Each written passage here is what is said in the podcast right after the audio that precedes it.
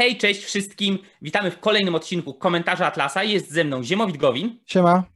Ja nazywam się Mateusz Błaszczyk i dzisiaj porozmawiamy o bardzo bieżącym i bardzo lokalnym polskim temacie, czyli o tak zwanym Lex TVN. Czy Prawo i Sprawiedliwość i rząd Zjednoczonej Prawicy podejmuje walkę z pluralizmem mediów? Postaram się na to odpowiedzieć. Ziemowit, o co chodzi? No właśnie, o co chodzi? Czyli czym jest w ogóle to Lex TVN, skąd ta nazwa? To pod tą nazwą tak naprawdę to jest taka nieformalna nazwa, za którą kryje się e, poselski projekt Marka Suskiego, czyli tak, PiSu. Jest to projekt nowelizacji ustawy o radiofonii i telewizji, zgodnie z którym, tutaj cytat, Koncesja na rozpowszechnianie programów radiowych i telewizyjnych może być udzielona osobie zagranicznej, której siedziba lub stałe miejsce zamieszkania znajduje się w państwie członkowskim Europejskiego Obszaru Gospodarczego, pod warunkiem, że taka osoba zagraniczna nie jest zależna od, od osoby zagranicznej, która siedziba lub stałe miejsce zamieszkania znajduje się w państwie nie będącym państwem członkowskim Europejskiego Obszaru Gospodarczego. W praktyce, w praktyce oznacza to, że w Polsce mogłyby nadawać, gdyby ta ten projekt y, nowelizacji do ustawy o radiofonii i telewizji przyszedł, to w Polsce mogłyby nadawać tylko te media, e, w których udział, e, w, w których udział e, kapitału zagranicznego nie przekracza 49%. No i teraz oczywiście w ogóle skąd oficjalnie, czemu to? Czemu, skąd jest ten pomysł? To oficjalnie jest to tłumaczone tym, że chodzi o to, żeby zablokować przejęcie danych mediów przez takie państwa jak Rosja czy Chiny. Problem polega na tym, że y, gdyby przeszła ta nowelizacja, objęłoby to też Stany Zjednoczone. Stany Zjednoczone, innymi słowy, Stany Zjednoczone też, y, też nie mogłyby, ich udział też nie mógłby przekraczać 49%. No i mówi się, że tak naprawdę zostało to wprowadzone po to, żeby zaatakować TVN, ponieważ właścicielem TVN-u jest y, amerykański koncern Discovery. No i gdyby przeszła ta nowelizacja, no to wtedy TVN mógłby zostać przejęty, przez na przykład pisowskie spółki Skarbu Państwa. Są plotki, że jest taki pomysł, to są plotki poselskie, o których posłowie mówią w wywiadach, e, albo mógłby po prostu zostać zaorany. E, tutaj porozumienie się wyłamuje, chcą wprowadzić taką poprawkę, która by miała rozszerzyć ten krąg kraje OECD, w tym Stany Zjednoczone, tak? Czyli wtedy by to y, ochroniło y, TVN. No i teraz y, Mateusz, y, powiedz mi, jaki jest problem z Lex TVN? To znaczy, oczywiście, problem jest oczywisty, ale powiedzmy to oficjalnie.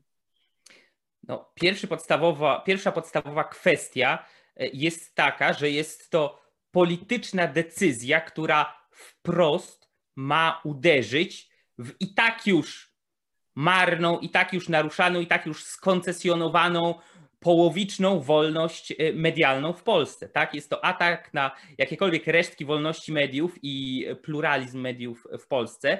E, atak, który miał już poprzednie epizody, takie jak e, Polska Press i cała kwestia przejmowania ogromnych, ogromnych połaci rynku medialnego przez, PKP Orlen, przez PKN Orlen.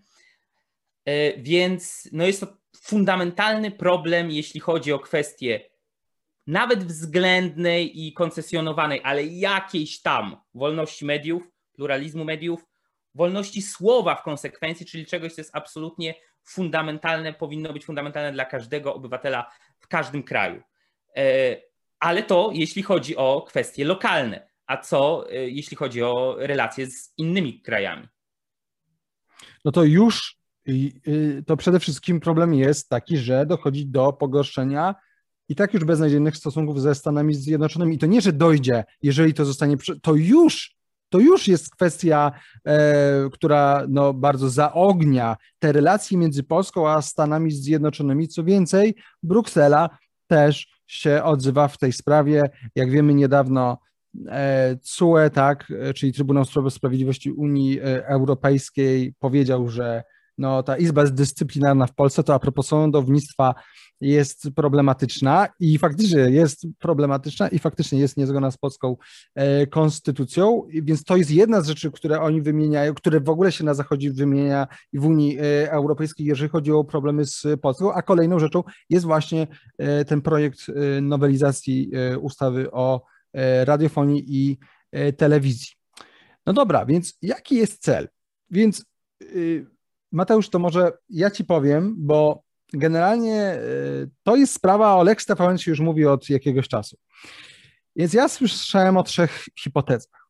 Pierwsza hipoteza zniszczenie i lub przejęcie TVN-u, czytaj po prostu chodzi PiSowi, żeby skupić się na polskim podwórku, że nie obchodzi nas, co myślą, co mówią inni. My tutaj ostro przejmujemy TVN, który jest najbardziej nam nieprzychylną telewizją, która ma bardzo duży zasięg. Więc to jest pierwszy, pierwszy cel, pierwsza e, hipoteza. Druga, próba prowadzenia stosunków dyplomatycznych, polityki zagranicznej ze Stanami poprzez takie, poprzez takie akcje.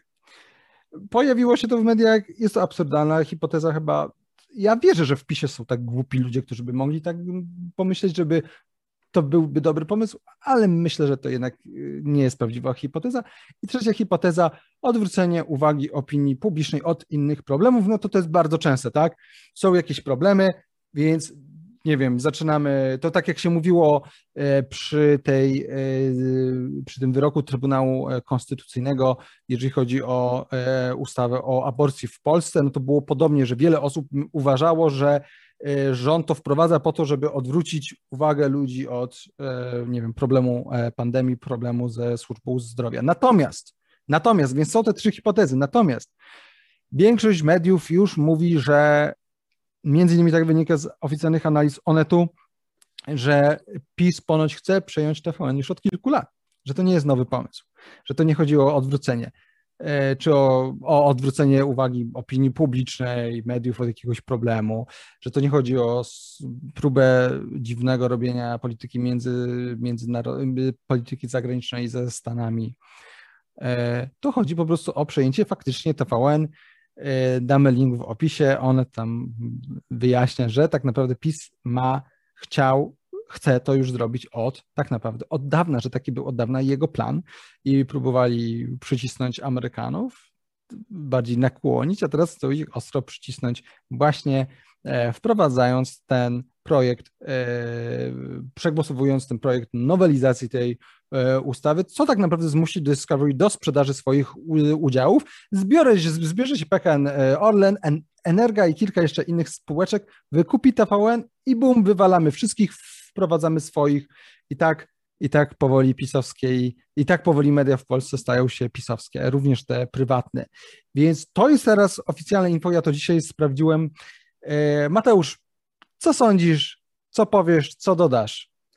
Ja myślę, że jak w wielu przypadkach może to być kombinacja kilku e, powodów, kilku przyczyn, dla których e, rząd chce dokonać no, czy, czy takiego zamachu na resztki wolności słowa, nazwijmy to sobie.